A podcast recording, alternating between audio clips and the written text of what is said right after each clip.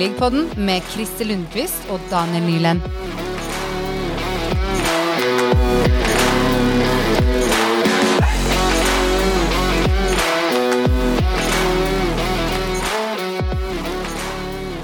Hei og velkommen til fjerde episode av Premier League-podden.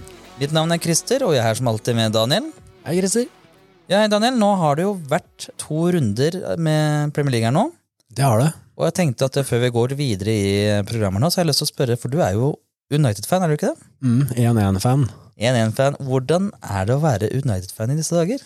Nei, man eh, burde jo egentlig bare se på første for de har egentlig vært ganske greie i siste kampen, og så skru av etter pause. Ansette Anne Ragnhild som midlertidig manager, er det et steg på sida, eller er det et steg tilbake i forhold til Solskjær? Akkurat nå ser det ikke så mye bedre ut enn under Solskjær, akkurat. Det er jo greit nok å ha en midlertidig manager, og tanken med at han skal inn i en annen rolle i klubben seinere, er jo egentlig fin, fordi han har jo gjort det bra i, i lederverv i andre klubber tidligere, men eh, man, skulle, man hadde gått all in for å få inn Pochettino, eksempel, nå da Solskjær fikk, fikk sparken, eller venta med å sparke Solskjær til Pochettino faktisk var klar, f.eks. Det tror jeg nok hadde blitt eh, bedre, for da hadde man hatt en Hadde han eh, som hadde kommet inn, da, Pochettino eller Ten Hag eller Håkon hadde vært, hadde fått en halv sesong da, til å komme litt inn i det, og faktisk hatt en god periode til å begynne å kjenne laget mer, da, eh, før neste sesong, som på en måte da blir gjeldende for den eh, nye manageren. Det er jo enten er å vente, eller å bare anerkjenne at man kanskje ikke er en topp seks-klubb lenger. Ja, ja, det, vi får se hvilket lag som kommer, eh, kommer øverst, eh, Christer. Newcastle, eh, form for tida, men vi får se. Vi får se. Ja, nei, den, jeg skal ikke helt åpne den boksen. Kanskje vi skal da ta og se på runden som var? ja, eller rundene som var. Rundene som var.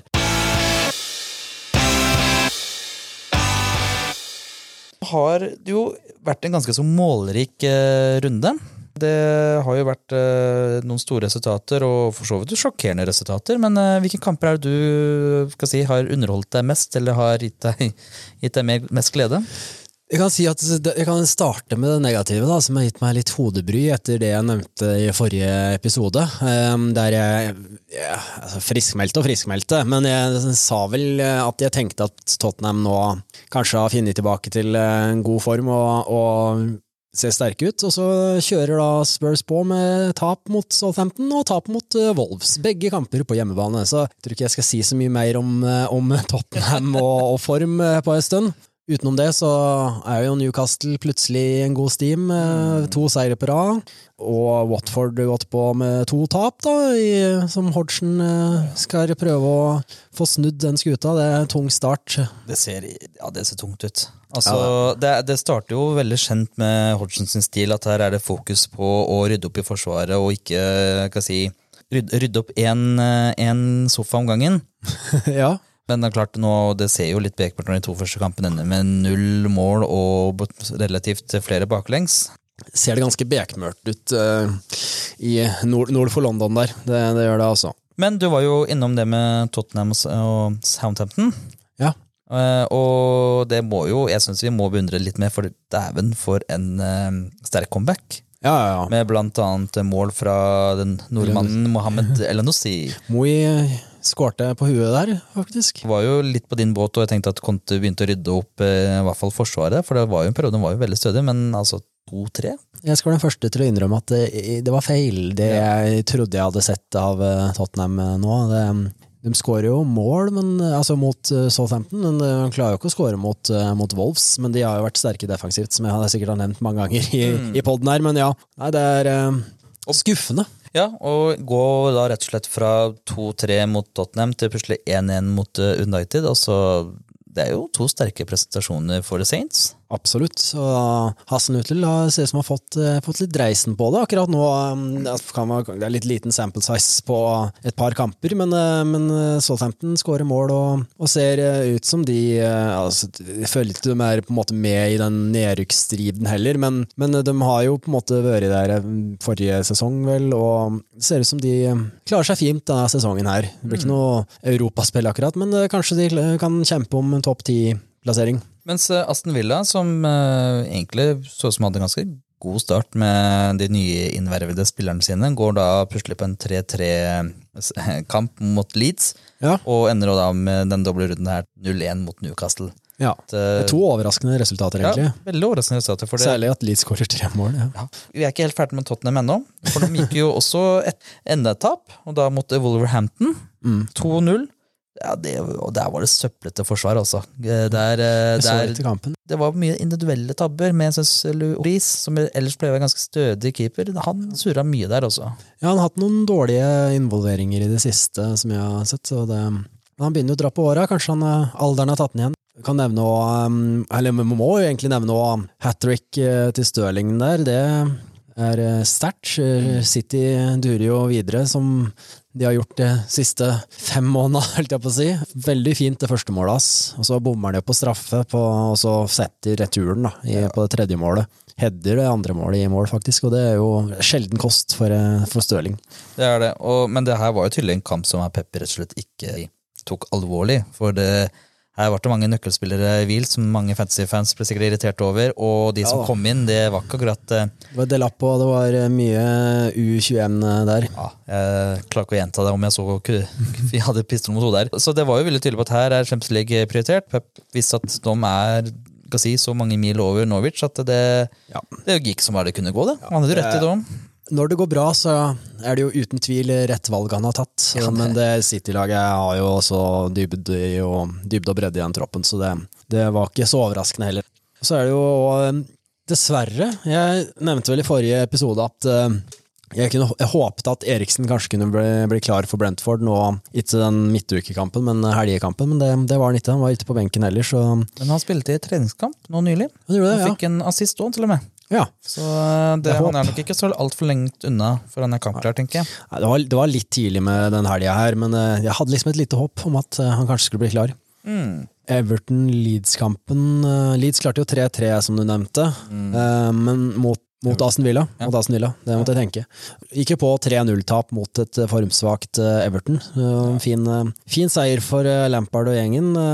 Allikevel så hadde Leeds noen veldig store sjanser i den kampen. De hadde to skudd i tverrleggeren, blant annet. og Alt i alt så hadde vel Everton OK kontroll utenom de, de der to, to tverrliggerskudda. Uh, Van de Beek var visst banens beste i den kampen her. Og så fikk jo òg Leo Fur Gjelde, nordmann, fikk jo sin andre Premier League-kamp for Leeds, og hadde egentlig en ganske bra kamp, så det er artig. Ja. Han er 18 år, og kan bli en veldig bra forsvarsspiller, tror jeg. Ja, og så føler jeg òg man må nevne en litt sånn artig Eller artig, det er lite, veldig lite artig for de som heier på Arsenal. Men eh, til slutt så vant jo Arsenal den kampen 1-0, altså det kan jo si at det er artig allikevel. Eh, Martinelli med det røde, fine røde kortet sitt mot eh, Wolves. Men vet du, det syns jeg var bare var, vet du, herlig å se på, og ryddig. Rett og slett Ja, ryddig, syns jeg jeg. ser at folk blir irritert og bla, bla, bla. At eh, ja, eh, på grunn av at han kom, tar og dytt- dulter borti han som skal ta innkastet, så er det feil kast. Så derfor gjør dommeren feil og skulle gitt gult kort, og at han skal kaste på nytt. Så det kan man jo for så vidt si seg enig i, men jeg syns allikevel det er litt morsom, eh, morsom greie det der at eh, dommeren gir to gule kort altså på to sekunder, og så er det rødt. Ja, det er jo ikke så rart, for at laget fikk en fordel, Mm. og tross på at han gjorde den uh, forseelsen. Og klart når han da velger da, å gjøre enda en, en forseelse igjen, så altså, da blir jo én pluss én er to. Det er så Ja, ja. enkelt er det egentlig, og det handler egentlig kanskje om at det er rett og slett urutinert, og kanskje ikke helt vi fikk med seg det at det han gjorde først var et gult kort. Ja, mest sannsynlig. Og så er det jo Jeg tror aldri jeg har sett før. Dommeren gjør. Jeg, jeg syns jo det er riktig, og, men jeg har aldri sett det. Det er litt um... Ja, nei, det, jeg er enig i det. Jeg syns det var gøy, og jeg syns det var helt riktig. Og så klart hadde det vært uh, mot Newcastle, så kan vi diskutere om jeg hadde ment noe annet. Er det noen andre saker som eh, du tenker er verdt å nevne? Altså, det er jo mange kamper, så det er mye jeg ikke har fått eh, snakket om. Eh, Ja. Sånn er det når det har vært to runder imellom. Men er det noe du tenker vi har, burde nevne? Nei, jeg har, jeg har egentlig fått nevnt det. det. Det jeg føler var verdt å nevne fra de to, de to rundene. Da tenker jeg at vi går videre i programmet, og som regel så har vi jo, tar vi opp ukas viktigste saker. Denne uka her så har det ikke vært så mye saker, men jeg tenker derfor at eh, i denne episoden her så skal vi rett og slett ha en statussjekk.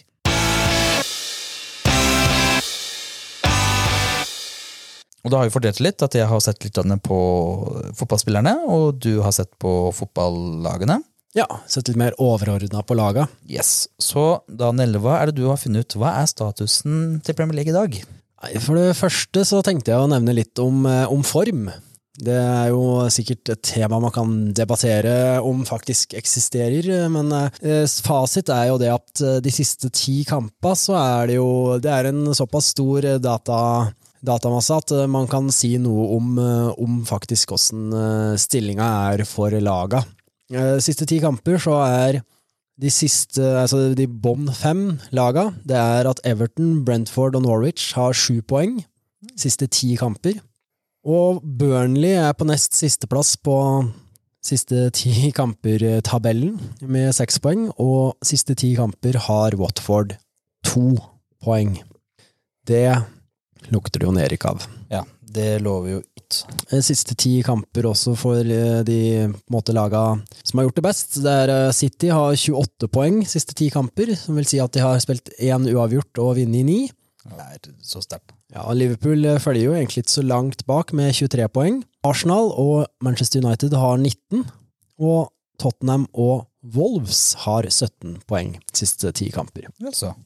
Kan jo òg trekke fram formtabellen på siste fem kamper, selv om det er litt, litt lite datasett. Så er jo interessante her er jo at Newcastle ligger på fjerdeplass siste fem kamper. Ja, altså tre kamper på raden har de vunnet, og det har de ikke gjort siden 2018, faktisk. Nei, så Newcastle har tre seire, to uavgjort og ett tap siste fem kamper. Og dette er bare to poeng færre enn det Manchester City og Liverpool har klart siste fem kamper. Sisteplass siste fem kamper er Brentford med ett poeng. Én uavgjort, fire tap på Brentford, og det, det sier jo litt om åssen Brentford har sett ut i det siste. Ja, altså, det, jeg syns ikke det at den redaktøren vår har uh, igjen spådd at de rykker ned, jeg syns ikke det er så dum shout, jeg. Det, Nei, så det sier jo på en måte siste fem kamper føler jeg sier mer om formkurve enn faktisk form, da. Det viser jo at Brentford har en veldig dalende formkurve. Altså Den er jo nå Den er jo så langt ned det går an omtrent. Ett poeng på fem kamper er jo veldig svakt. Så Brentford eh, trenger virkelig å snu trenden. Så har jeg sett litt på hvem som kjemper om topp fire, og hvem som kjemper om mot nedrykket. Litt sånn overordna. Topp fire Altså, topp tre er jo egentlig litt uinteressant å prate om. Det jeg føler at City, Liverpool og Chelsea er litt egen liga når det gjelder det, og så er jo fjerdeplassen litt sånn up, up for grabs for eh, de andre klubba. Eh, City har jo faktisk bare 1,1 i odds for å vinne. Ja. er, da har ikke oddsekspertene noe tvil i hvem som kommer til å ta seieren i år. i de leder jo med såpass mange poeng, og at det, det er ikke så rart. Eh, I tillegg så jo, skulle man egentlig tro at Chelsea nå har eh, mange kamper til gode, med tanke på at de akkurat har vunnet klubb-VM. Ja, gratulerer til alle Chelsea-fans der ute. Ja, absolutt. De har jo ikke så mange kamper til gode. De har 24 kamper spilt, og det er en mindre vel enn Liverpool og City, så de har, de har ikke så mye, mye til gode, men det ser jo sterke ut. Eh, Klubb-VM forresten er jo finalen mot eh, Palmeiras fra Brasil, og 1-1 til fulltid, trengte litt ekstraomganger der. Havertz med vinnermålet på straffe i 117. minutt, så det er morsomt for alle, alle Chelsea-fans, selv om det er vel er få utenom akkurat de som heier på laget som er der, som faktisk følger med på den, eh, den turneringa der. Ja, det, den har kommet litt under mye debatt, eh, akkurat det der hvor bortkasta den er. Fordi rett og slett Og kjernen i debatten handler jo rett og slett om at eh, alle de gode spillerne Og så får du en gode søramerikanske spiller, så går det veldig fort før den er i Europa. Ja. Og spiller for da, en av de store klubbene i blant annet England. Så at eh, hvor mye poeng det er i den turneringa, skal jeg egentlig likt å sett på statistikken hvem som har vunnet den VM eh, de siste fem-ti åra. Som, som regel er det jo europeiske laga som vinner. Så det, har det vel skjedd her og der at det er noe bra lag fra Brasil og sånt som har vunnet. Jeg lurer på om Corinthians eller sånt vant for noen år siden. Jeg husker, altså Det er jo som regel Det har vært Real Madrid har vel vunnet noen ganger. Chelsea har vel vunnet et par ganger nå de siste, siste ti åra, tror jeg. Og Liverpool vant vel òg det året Dum vant Champions League, eller året etter Dum vant Champions League. Uh, Atletico har vel òg vunnet det. Ja, så det er, det er jo som regel europeiske lag som tar det der. Det er, det er jo nivåforskjell, og det bunner jo selvfølgelig ut i at de beste spillere er i de europeiske klubba, og det er altså den europeiske klubben som vinner, vinner eh, supercupfinalen, vel, som er det laget som faktisk kvalifiserer til, til klubb, klubb-VM. Mm. Som jeg nevnte, da er jo fjerdeplassen er litt sånn åpen, egentlig, føler jeg. Det er jo United, Arsenal, Tottenham, Westham. Jeg føler eh, det står mellom der. Ja, Wolf er jo, er jo innenfor rekkevidde og kunne lure seg inn der, da. Tror du det skjer? Nei, nei, på ingen måter. Jeg bare sier at de ligger jo faktisk nå med én kamp mer spilt over Tottenham, da. Ja, eh, det kan jeg jo nevne at eh, det var vel forrige episode jeg følte at Wolves sa, sa at liksom Wolfs viste litt svakhetstegn med å tape mot Norwich i FA-cupen, men eh, det må slå et slag for Wolves, da, selv om de spiller ganske altså, ikke begredelig fotball, men de spiller ut så veldig spennende fotball alltid. Men de, eh, de eh, har jo klart seg veldig bra, altså. Du må bare slutte å spå, du. Det er egentlig det du Ja, det er tydeligvis. tydeligvis. Men eh, topp fire-oddsen er jo Jeg syns det er litt overraskende, eh, egentlig, men Arsenal har vist at de eh, kan vinne på litt dårlige dager og sånn òg, så Arsenal har jo 2,25 for å komme topp fire. United har tre blank, og Spurs 4,5 og Westham 8 i odds for å klare topp fire. Det er litt interessant at når du først ligger på fjerdeplass, og så har du faktisk 80 odds for å beholde fjerdeplassen. Ja, Det er det, så det sier litt om eh, oddssettere, med, tanke, altså med tanke på at de ser, ser mye på historikk på det her. Det, sannsynligheten er jo tross alt større for at Westham kommer utafor topp fire. Eh, når det gjelder nedrykket, da, så er det jo noen lag det Noen få lag, føler jeg det står mellom, og de fleste er vel enige om at Norwich, Watford og Burnley er eh, de største dumpekandidatene, egentlig. Eh, oddsen for at Norwich og Watford rykker ned, er 1,16. Eller, Jeg synes nesten akkurat sånn som det står nå, er det nesten overraskende at Norwich har lik odds som Watford for å rykke ned, for det Norwich ser jo ha, altså, har jo bedre form enn en Watford har, og Norwich har jo en viss mulighet for å klare seg, sånn som det ser ut nå, men, eh, mens Watford ser jo helt håpløse ut. og Som tidligere nevnt, to poeng de siste ti kampene, og altså har klart to uavgjort og åtte tap da, de siste ti. Burnley har på sin side 1,33 for å rykke ned, så oddsen er jo egentlig lik for de tre klubba omtrent. Eh, Det er jo, eh, som alle vet, det er, det er, eh, det er med veldig stor sannsynlighet for at det er de tre som går ned. Ja. Brentford og Newcastle ligger på fem i odds for å rykke ned. Brentford, som nevnt, har jo en ganske dårlig formkurve nå. Mens Newcastle ser som lite sannsynlig at rykker ned så, Altså, de har vunnet de tre siste kampene, ja, men det er da at laget ser bedre ut totalt sett, og de spiller bedre, ser mer kompakt ut og sikrere ut, rett og slett. Det ser faktisk ut som de har en plan. Det hjelper mye. Nå skal ikke jeg komme her og jinxe og si at eh, Jo, jo. de kommer til å overleve, men Ja, de, de, men de, de er mye bedre, og det, det, det er det ingen tvil om. Eddie Hav har gjort en fantastisk jobb når han kom inn. Signeringene som ble gjort, har vært fryktelig gode. Så det er lov til å håpe, begynne å håpe litt, da, tenker jeg. da. Som, altså, både Brentford og Newcastle ligger da på fem, og jeg tror ikke det er så veldig lenge siden at uh, Newcastle hadde odds for å rykke ned, oh, nei, og, nei, nei. og Brentford hadde høyere odds for å rykke ned, for Brentford hadde jo en bra start på sesongen, og Newcastle en helt begredelig en, så, så det der har endra seg stort siste par-tre måneder. Kan jo trekke fram og Leeds, som ligger på fem og en halv eh, på, for, i odds, da. Ja, det er ikke, det er ikke mer, nei. Nei, nei, så det er Leeds òg. har jo forholdsvis dårlig form. Jeg tenkte bare å nevne litt sånn kjapt eh, til slutt eh, på lag. Eh, litt sånn positive overraskelser eh, så langt i sesongen. Litt sånn hvis man skal se på så langt totalt sett, ikke se på form og alt sånt her. Bare hvilke lag er det som har overraska positivt så langt denne sesongen? Og det er jo Westham.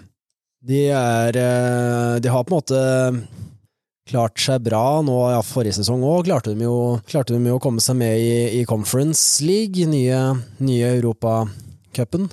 Men eh, det er en meget god, sterk sesong så langt. Jeg føler de har vært liksom, stabile i resultata, men òg stabile i altså, de spiller, da. De har fått mange spillere som har tatt ansvar i viktige kamper, og de har skåret nok mål til å vinne, liksom snu kamper til sin fordel, sjøl om de slipper inn ett eller to mål. Så jeg er imponert over det Moyes får til i Westham for tida.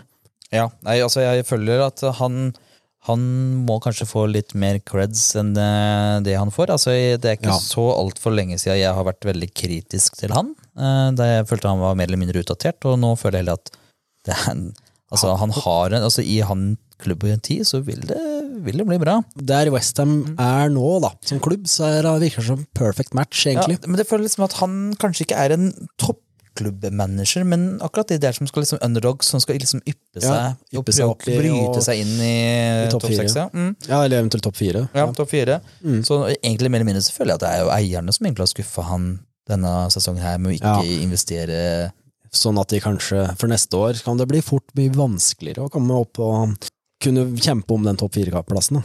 Eh, Siste jeg tenkte å nevne, er jo Brighton, som ligger nå på niendeplass. Eh, Brighton har hatt en bra sesong. De, de har eh, klart å, i motsetning til i fjor, som de sleit så fælt med å sette ball i mål, som klarte å vinne en del kamper, ligger på niendeplass. Veldig vanskelig å slå. Den taper vel sjelden på hjemmebane, og ja, nei, jeg syns Brighton har gjort det, så, gjort det veldig bra, egentlig. ja, Det er en veldig organisert lag, og det er en grunn til at hver eneste gang en klubb skal bytte manager, så er Graham Potter blir jo nevnt blir, i hver det. eneste Og sammenheng. i tillegg, når, hvis man skal få en ny sportsdirektør, så er det, å husker jeg ikke navnet på han som er sportsdirektør oh, i Brighton. Dan eh, Ashford. Ja, Ashford. Ja, men, Ja, han har, jo, han- han har jo sagt opp nå. Han har sagt opp, ja. Ja, for han er jo så å si skal til Newcastle. Ja, nettopp. Ja, for han eh, Det er vel Lars Sivertsen, som vi har eh, nevnt et par ganger i podkasten her før, som har sagt at uh, gi han et uh, Gi han et lag og en uh, litt større lommebok, så blir det en, et veldig bra, veldig bra lag og en klubb som kan, kan være oppe og kjempe opp i Europa og sånn. Slik som jeg har forstått statusen der, er det at han sa opp forrige mandag. Han har blitt avtalt og skal til Newcastle. Ja. Men det som er nå, at han nå driver med og forhandler mellom Brighton og Newcastle, for han har jo en sånn Sluttpakke Nei, ikke sluttpakke, men han har ikke lov til å ta en ny eh, jobbe i en eh, tilsvarende stilling eller en annen klubb i jeg tror han er sperra for seks måneder. Ja, det er en karantenetid. Karantenetid, ja. Så nå driver de og forhandler om å få kutta ned den tida, så han kan begynne da helst før sommeren. da. Ja. Så det er statusen med en av eh, ja, en av de mest ettertrakta sportsdirektørene der ute, i hvert fall i England. ja. Ja. Mm. Jeg tenkte å nevne raskt liksom, de største skuffelsene for meg personlig, iallfall, denne sesongen. La meg gjette. Leicester. Eh, Ja, Leicester føler jeg har vært en, eh, en skuffelse, egentlig, for det, de siste Så klart, Leicester vant jo Premier League for når, Det er ikke så lenge siden heller, de vant Premier League, men eh, de siste par-tre sesongene òg, så har de jo på en måte ligget topp fire eh, fram til altså i hvert fall siste to sesonger, tror jeg, så lå de med topp fire helt fram til de siste par rundene, og så har de skusla det bort på slutten. Så Leicester nå ligger langt ned, du har vel tabellen foran deg, Ja, Christer? de ligger nå på ellevteplass. Ellevteplass, og det, det ser ikke bra ut.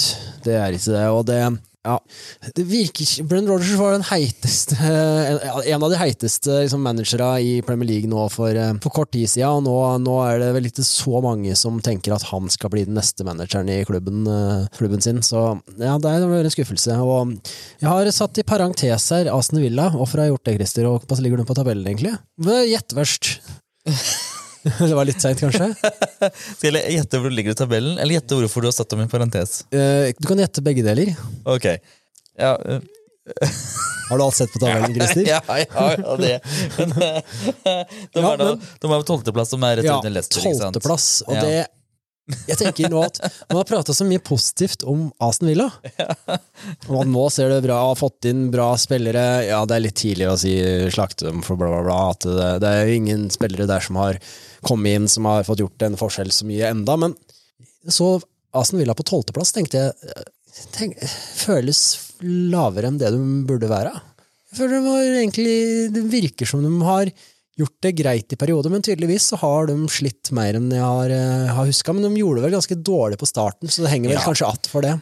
De gjorde det dårlig i starten, for at det er klart at de solgte jo Jack Grealish i sommer. Ja. De kjøpte jo da Bailey og Ings blant annet for å erstatte han.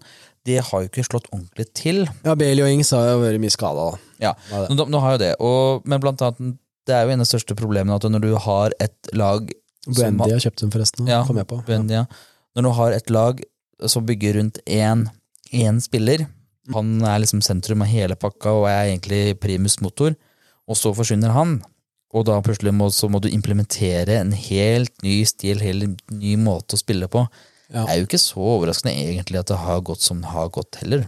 Nei, nei, det er jo ikke det, men jeg bare allikevel, jeg føler tolvteplass, de er jo poengmessig De er langt unna på en måte å være nedrykkskandidat poengmessig, men allikevel tolvteplass, det Ja, nei, det var et eller annet i meg som tenkte at det her er eh, Det hadde jeg trodd at Jeg tenkte de skulle være Hvis jeg skulle tippe, så hadde jeg tippa at de var på niende eller åttende eller et eller annet sånt. Men eh, nei, det er litt skuffende, egentlig, da, totalt sett. Men det er ikke så lenge siden de rykket opp, da. Så det er jo, det er jo for så vidt bare godt at Aston Villa nå kan vel si at de har vel etablert seg som en Premier League-lag nå. Ja, det er sant, men eh, det hadde vært artig om eh, husker jeg ikke navnet på den tidligere manageren deres. eh, Smith. Smith, Smith. Smith, ja, at, og det hadde vært artig om eh, Aston Villa hadde nærma seg Norwich på tabellen, og Norwich hadde kommet seg litt oppover. Altså ikke eh, sier ikke at Norwich plutselig skal komme topp eh, ti, men eh, hvis Aston Villa det, har litt sånn svake resultater her og der, og Norwich plutselig vinner et par kamper, så tror jeg Dean Smith eh, smiler i sofaen når han ser på tabellen, iallfall. Absolutt. absolutt. Siste skuffelse United, og da er jeg ferdig med mine. Ja. uh, har ikke noe problem med å se den en eh, siste kommentaren der. Vi, selv om fotball er lagsport, så er det jo alltid interessant å se på eh, spillerne.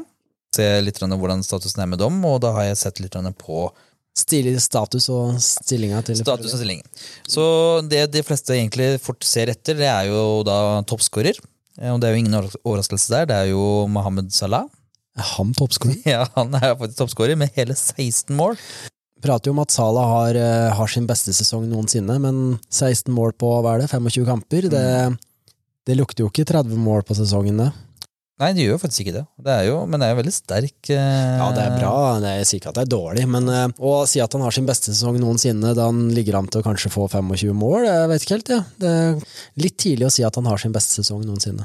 Ja, kanskje. Men eh, jeg tror fantasy-spillere vil nok si seg uenig, for man får i hvert fall eh, målpoeng der. Så det, Ja det er jo litt den følelsen man Sikkert det er litt derfor mange tenker det, for man får den følelsen at han har vært en, det de i fantasy kaller for en autokaptein Ja, ja. i så ja, mange jeg har runder. sittet med det sjøl, jeg, Ja. cappa han sikkert 18 eller 19 av de 25 rundene som har vært, Ja, så Så kanskje ikke akkurat nødvendigvis at det er så mange mål sånn sett, men det er mange mål spredd på mange kamper. Det er det. Litt sånn var de da de vant ligaen aktig, at eh, han skårer ett mål per, per kamp. Han skårte vel i elleve kamper på rad, eller Ja. der, eller tolv, om det var det. Det var jo så å si første ordentlige autokapteinen. Det var vel han i den uh, tida der. Så eh, på andreplass er jo Diego Yota med tolv mål. Som, uh, Det er litt overraskende, ja. faktisk. Det er jo det, og det er jo da to Liverpool-spillere som uh, topper av den tabellen.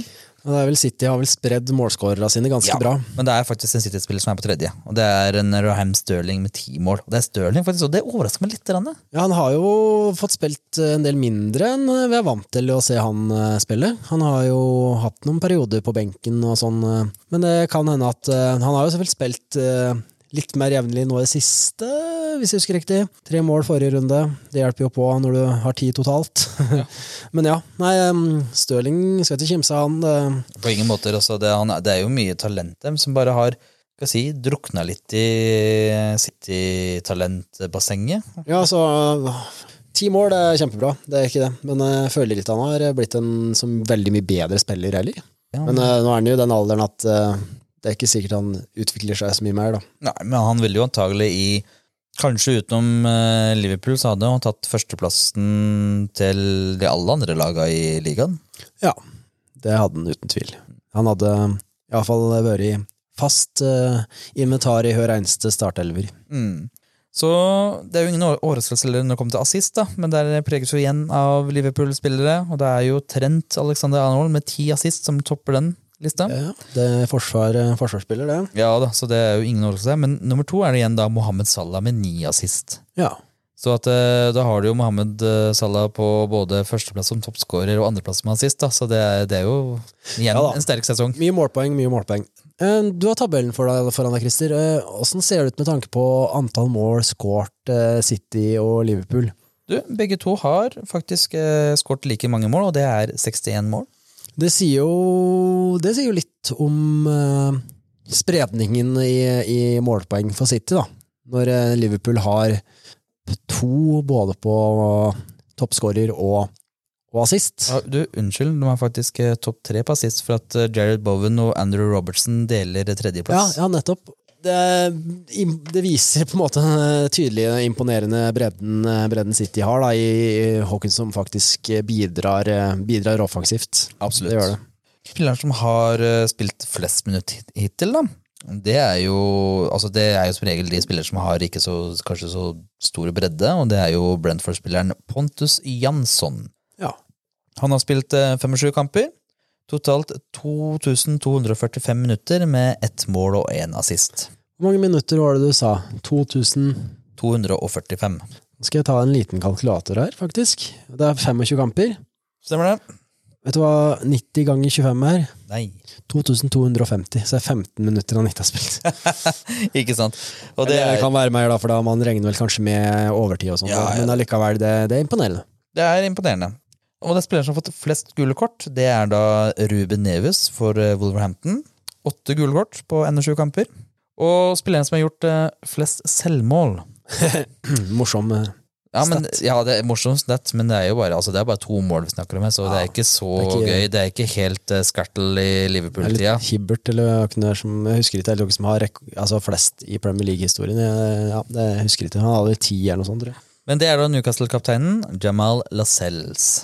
Ja, bra kaptein, det. Ja, blant annet kom jo faktisk det ene målet imot eh, Everton, men han uh, gjengjeldte det bare noen par minutter etterpå med å sørge for at Holgate skårte selvmål. Ja, det- er To altså raskeste back-to-back sjølmåla i Premier League-historien, eller noe sånt, tror jeg. ja, det var noe sånt der. Så det Mm. syns jeg er jo litt fiffig, da. Det er i hvert fall Når først skårer selvmål, så er det ingenting bedre å få rydda opp i det i det minste. Herregud, det er Nei, jeg har ikke sett noe stats på det, men jeg føler ofte Hvis forsvarsspiller skårer sjølmål, så føler jeg liksom iblant at forsvarsspilleren header en inn på corner eller noe Ja, sånt etterpå. Iallfall midtstoppere, da. Ja, ja, ja, det gjør jeg også. Det, Jeg har en det, det, følelse av det, men det er sikkert ikke noe i det. Det, er bare, ja, det virker som om det er en ekstra guts der for å rette opp i det du har gjort. Og så er det kaptein til og med også, da. En annen statistikk som jeg synes er gøy å se på, det er jo å se på hvordan de nye spillerne gjør sin første sesong i Premier League. Mm, og det er ikke nødvendigvis bra, det. Nei, ikke nødvendigvis. de gjør, de gjør det bra, altså. Uh, så at jeg har sett litt på bare på uh, hvordan de nye spillerne har gjort det i forhold til å skåre mål og i forhold til å skape assist. Så det er klart, nå tar jeg ikke inn forsvarsspillere inn i dette um, statistikken her, da, som det er jo hovedsakelig angrepsspillere. Ja, for det er forsvarsspillere som gjør det bra òg, men det kan være litt vanskelig å måle iblant. Vanskelig, hvis ikke jeg kan begynne å gå litt sånn inn ordentlig nerd og se på taklinger i per minutt og litt sånne ting, men eh, dette skal ikke være en Altfor nerdete, selv om det er ganske nerdete. Ja. Så eh, den spilleren som har uh, skåret uh, Nei, vet du hva, vi bytter om litt på rekkefølgen her. Så skal vi heller ta fra bunn til topp av uh, hvem spillere av de nye altså, Nyervervelser, ja. Nyervervelser som eh, kom inn. Da tenker du ikke på bånd helt i bånd. Nei, vi snakker om eh, Topp top tre. Top tre. Mm. Så topp tre det er vel egentlig ikke noe overraskende, men det er jo da Conor Gallagher for Crystal Palace, som er på lån fra Chelsea. Mm. Han har skåret sju mål hittil i sesongen. Ja, han har vært ekstremt god.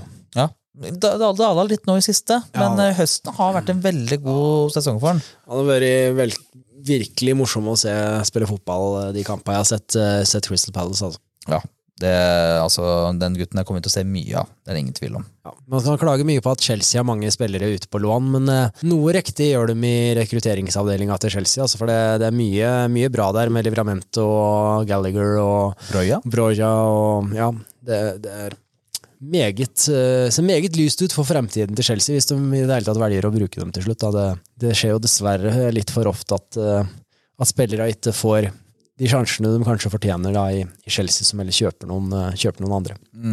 På andreplass, det er jo da Cristiano Ronaldo med åtte mål. Tre Sin- assist. Ja, en liten comeback eh, her. Det er ikke så bra likevel, med, som skal, han som spiller toppspiss, eh, har ett mål mer enn Gallagher, da. For, altså, han som går topp, toppsp- toppspissen for, eh, for det som bør, bør kalles et lag som skal kjempe egentlig om medaljer i, i ligaen. Så, Ja. så er ikke det veldig imponerende, egentlig. Hvis du ser mellom eh, Salah og Ronaldo, så er det jo stor, stor forskjell. der. Ja, Salah har jo dobbelt så mange mål og over ja, tre ganger så mange assist, vel. Så, men han deler jo da førsteplassen, hvis det er noe trøst. da. Og han deler bladplassen med da Emmanuel Denise for Watford med åtte mål, det òg.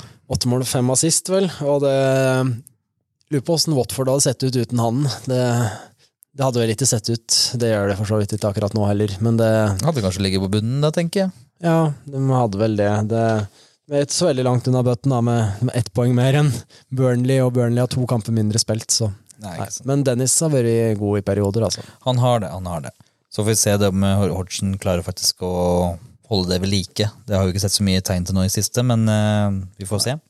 Det er vel en stund siden han skårte sist. Han har vel hatt en ganske dalende kurve nå i det siste, hvor eh, siste kampen han skårte er eh, Ja, jeg ser bare på bare på kamp her, og det var mot uh, Han skårte ett mål mot Westham den 28. desember. Det var sist han skårte mål. Ja, og vi er nå slutten av, eller midten av februar. Ja, snart to måneder siden han skårte sist, så det, de som har den fortsatt på Fantasy, burde vel vurdere å, vurdere å sende på dør. Ja, vi skal se på assist. da. Du var jo inne på det, at han hadde fem assist, og det er helt riktig, så han leder jo assist-statistikken også. Ja, det var litt jeg foregrep litt der. Men det gjør ingenting. Men så det er jo på ingen måte å si at han er jo en fryktelig godt kjøp for Watford. Uten tvil.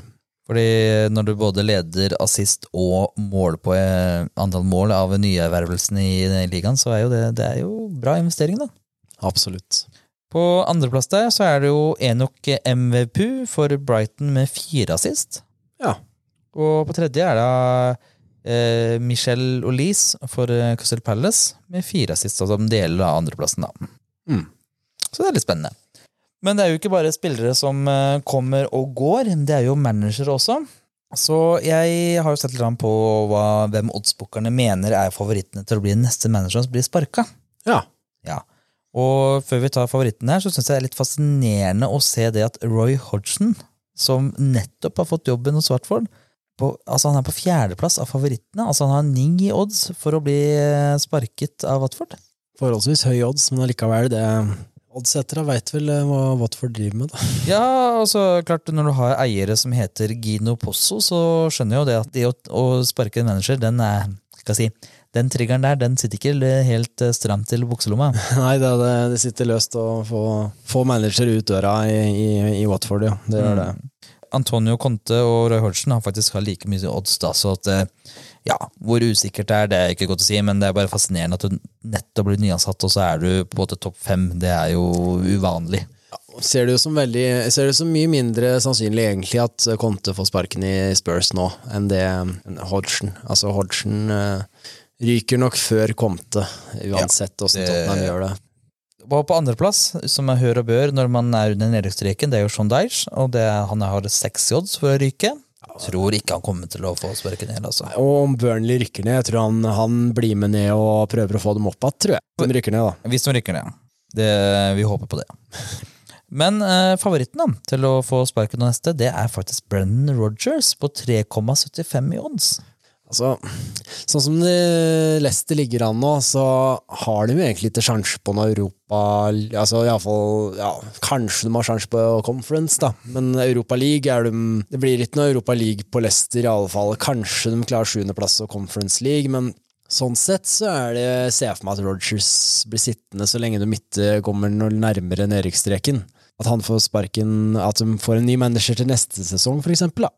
At de eh, hyrer inn en ny etter at denne sesongen er ferdig, eksempel, som får hele sommeren med oppkjøring og, og et sommervindu og sånn. Det, det er ikke umulig. Tenker det er på tide å gå videre i programmet. Mm. Se litt på runden som kommer. Helt riktig, så runden som kommer.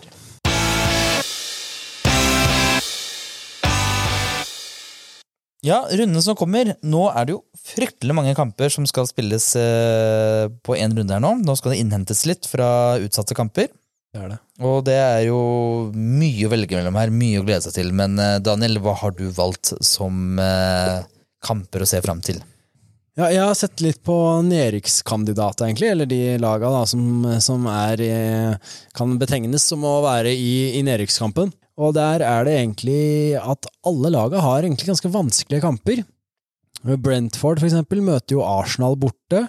Watford møter Aston Villa borte. Og Crystal Palace, som eh, kan være gode. Eh, Burnley møter Brighton borte. Brighton veldig gode på hjemmebane. I tillegg møter også Burnley Spurs. Leeds møter Manchester United, som er i dårlig form, men allikevel eh, Manchester United det er Manchester United. I tillegg møter Leeds Liverpool borte. Og i tillegg, da, så hvis man skal tenke at Newcastle fortsatt er en erikskandidat, da, så er det jo at Newcastle møter Westham borte. Westham eh, har jo vært veldig gode i det siste. Og da er jo spørsmålet klarer Newcastle å fortsette den gode trenden, da? Ja, jeg tror fortsatt vi skal nevne Newcastle som en nyrikskandidat, nedrykkskandidat. For at ja, det har vært en eh, oppblomstring, det har vært en ny spiller inn, men det er, det er ikke så mange poeng som skiller, selv om vi har fått en bitte liten gap der. Nei, så det, det, det blir spennende, spennende å se om, eh, om ett av eh, Altså, det er jo da både Watford og Burnley og Leeds har jo to kamper denne runden her, mens Brentford har bare én. Men eh, mens, eh, hvis for eksempel da Burnley vinner kampen sin mot Brighton, eh, eller Spurs, da, som viser seg at ikke er i form likevel, så plutselig Burnley klart å gjøre et bra, bra innhugg på det forspranget de laga foran eh, har, for det, det er få poeng som skiller eh, på de tre siste der. Jeg har lyst til å få ta fram det at eh, Leeds, som vi snakker om, er jo en mulig nedrykkskandidat, i hvert fall en som flørter litt med streken. Nå skal de på veldig kort tid møte både United og Liverpool. Det syns jeg blir interessant å følge, rett og slett. Altså Hvordan de skal håndtere det. De, det er bare tre dager mellom der Leeds skal møte de to topplaga.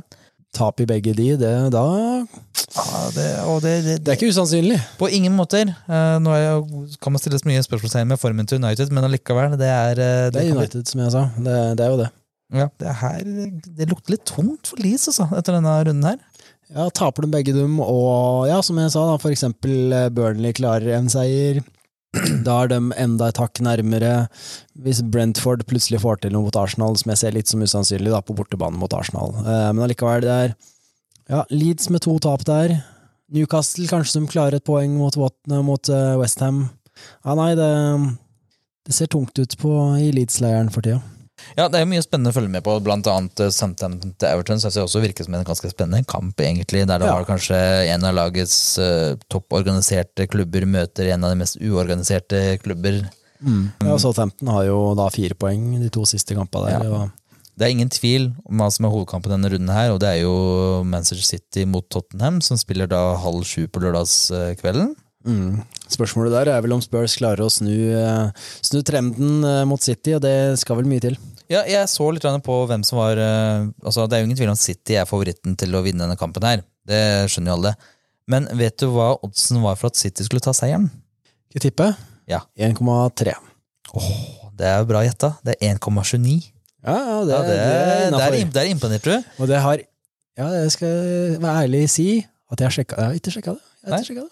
Og, men, eh, og det, jeg ble jo litt overraska. For det er jo faktisk det er jo Conte. Det er jo Ja, ja, Tottenham. og, hadde det vært en annen sesong og Spurs i, et, liksom, i en annen shape enn det de er nå, så, så hadde oddsen vært helt annerledes. ja, Altså, så jeg, City hadde vært favoritter eh, i ni av ti kamper de siste fem sesongene uansett, det er ikke det, men eh, ja. ja, nei, altså det, er- jeg, jeg er kjempeoverraskende. Og det er jo, men likevel, det her er jo spennende, for det er jo Guardiola mot Conte. altså Det er jo to av de tre beste managerne vi har i, i Premier League per nå. ja. Mest meritterte og ja. Ja, så det er liksom det, og men likevel så er det to veldig ulike taktiske stil sånn sett. Det blir jo spennende å se rent taktisk da, hvordan disse to skal møte hverandre, hvordan de setter opp laga for å håndtere de truslene hverandre er.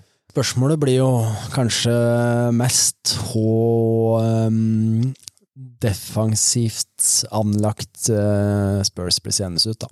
For Det- Comte er smart nok nå til å skjønne at eh, Tottenham rett og slett sliter defensivt. defensivt. Han har sikkert, han har sikkert sett på oddsen sjøl og tenkte søren, her må vi rydde opp i forsvaret. Ja, ja, men det, det er jo ingen tvil om at altså, han- er jo selvfølgelig en smart mann og, og ser det alle andre ser, at eh, Spurs må klare å tette oss bakover. Rett og slett. Eh, Selvfølgelig skåre mål òg, men det kommer. Med sånn og Kane og sånn, så kommer måla. Det tviler jeg egentlig ikke på. Det er en liten formdupp der, tror jeg, men, men defensivt, det må fikses. Og særlig når du møter City på bortebane, så er det på en måte å håpe på 0-0, 1-1 eller et eller annet sånt. Kanskje 0-1, da. Ja. Best. Jeg har nok eh, vel Jeg kommer nok ikke til å tippe noe Tottenham kommer til å gjøre det bra i kampen, det gjør jeg ikke. Men jeg synes fortsatt det er en spennende kamp å se, da. Og det er det alltid ja, når topplagene møtes. Vi prater om status, som vi har gjort i denne sesongen, denne episoden her. Så er eh, absolutt det en kamp eh, med tanke på status eh, og se og liksom matchinga Tottenham får mot eh, det desidert beste laget i Premier League per nå. Så er det på en måte status på Spurs blir nok eh, ganske tydelig, tydelig der og da. Men da, Christer, Hvis det ikke er noen andre kamper du har lyst til å trekke fram, så er det kanskje på tide at du har en liten oddstipsrunde. Som torden etter lyn så skal vi selvfølgelig komme med en liten trippeltips for runden. Og da er det min tur til å komme med et lite forslag her, så la oss gå til rundens trippel.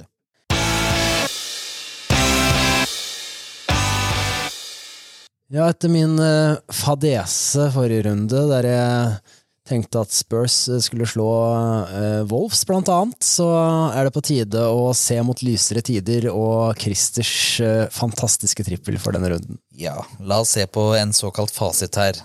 Vi får se. Ja, det er vel riktig holdning. Det er, en liten, eh, det er jo en liten konkurranse for oss her. Ja, du, for det har vi tenkt at vi skal eh, nå begynne å notere oss ned, og så skal vi se litt sånn hvem er det oss som klarer å få flest mulig kamper riktig spådd. Ja.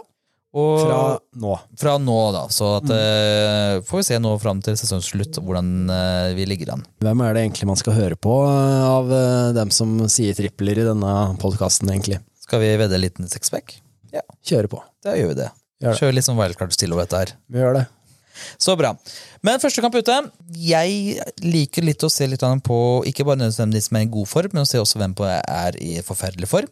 Og jeg vil jo si det at Watford det er, eh, hvis ikke det laget som er i dårligst form, så var vi ikke langt unna. Nei, det med Var det to poeng på de siste ti jeg nevnte? Riktig. Ja. Så derfor har jeg da valgt at Aston Villa skal slå Watford. Hjemme. Jepp. Den eh, virker ganske bankers, den. 1-6 eller noe, eller? 1,62. Ja. Du kan dine odds, Daniel. Har, eh, har spilt før. Og i kamp nummer to så har jeg faktisk eh, gått for en liten Den er litt mer vågal, men jeg tror det at Southampton kommer til å slå Everton. Ja. Jeg tror det at Everton kommer til å slite fryktelig med å møte Southampton, som er så organiserte. Hazard har jo vist at han klarer å benytte seg av motstanderens svakheter, og Everton er jo Har jo svakheter. har svakheter. Uh, og er kan si, De er jo ikke organiserte. Det er jo Southampton, og jeg tror nok det at uh, Southampton kommer til å vinne. Ikke akkurat nødvendigvis komfortabel når vi snakker om storseier på 2-0-3-0-type, men kanskje vinne da 2-1 eller noe. 2-1. 1-0. Jeg ser for meg en Ward Prowse-scoring på uh, frispark der. Kan jeg fort se for meg. Ja, ta inn Ward Prowse denne runden, da, eller? Åh, jeg elsker Ward Prowse. Ja, herlig spiller. herlig spiller. Men eh, nei, den, eh, den er risky å ta, for den, eh, jeg syns det lukter uavgjort lang vei av den kampen der. Ja, det er risky, men den gir deg en 2,12 i odds som singelspill, så Spillbar, den, ja. Det er, Ja. Det. Er, for det er Southampton på hjemmebane, ja. Ja, sånn på hjemmebane. Mens tredjespilleren det her, Nå bryter jeg med egen sånn betteregler. At jeg pleier som regel ikke å komme med oddstips mens når et lag har en midtukekamp som Champions League. Men det har jeg valgt her nå, og jeg har valgt det at uh, Diogo Yota skal score mot uh, Norwich. Ja. Det er da forbeholdt at uh, Yota ikke blir skada eller eh, faktisk spiller kampen, for det er jo mulighet for både rotasjon og, og skader her. Denne podkasten kommer vel en, eh, en dag etter at uh, Liverpool spiller i Champions League, er det det du tenkte på, ikke sant? Ja, så at det, er akkurat, Ja. det mye som kan skje nå. Han ble jo hvilt nå i forrige kamp. Ja, Men, så eh, han spiller vel fort i, i midtuka, ja. Ja, Det er det, det som kommer til å skje. Så at det er klart det her er litt mer vågal. Men jeg er ganske sikker på det at hvis Yota starter, så tror jeg han kommer til å score. For den gutten er jo Du snakka om Bowen var i form tidligere i stad. Ja, ja, men han, ja. Så er Yota ikke så langt bak heller i å være i god form. Jo, han, han har vært god, altså. Absolutt. Han har jo virkelig, virkelig funnet formen og fått, eh, fått en del spilletid. Og skåret eh, tre mål de siste tre kampene. Skåret, se på de siste fem, så har han skåret fem mål. Det er jo to kamper han har skåret to mål, og én kamp han har skåret ett. da. Så det, han, har, han har vært virkelig god, altså. Han skåret, og spilt da siste fem kamper. Han har han spilt eh, 90, 90, 90 og, og 24, altså fire ganger 90 minutter og, og 24 minutter i den um, kampen mot Burnley her, da. Så jeg, hvis han starter, hvis det ikke skjer noe i midtukampen, så tenker jeg nok det at det er en, eh, en veldig bankers spill, tenker jeg da. Ja. Ja, det er jo faktisk bare 1,71 i odds. at Ja, men, men at han skårer mot Norwich. Norwich, ja. ja for det, de spiller jo både mot Norwich og Leeds eh, i, i den runden som kommer nå. Det gjør det. Så det er selvfølgelig det er mye, mye viss og vass her. Jeg pleier som regel ikke å komme så tidlig odds på spillere som skal i midtukekampen. Men totalt så gir det her en 5,87 i odds. Ja. Triplen. Fin Det er ganske, ganske ryddig, det. Det gir eh, salt i grøten, det. Ja, Sjøl om jeg tror at Southampton Everton blir eh, uavgjort, så den er ikke dum, den der, altså. Nei. Men uh, den smitte vågar, ikke vinner. Plutselig var det finsk.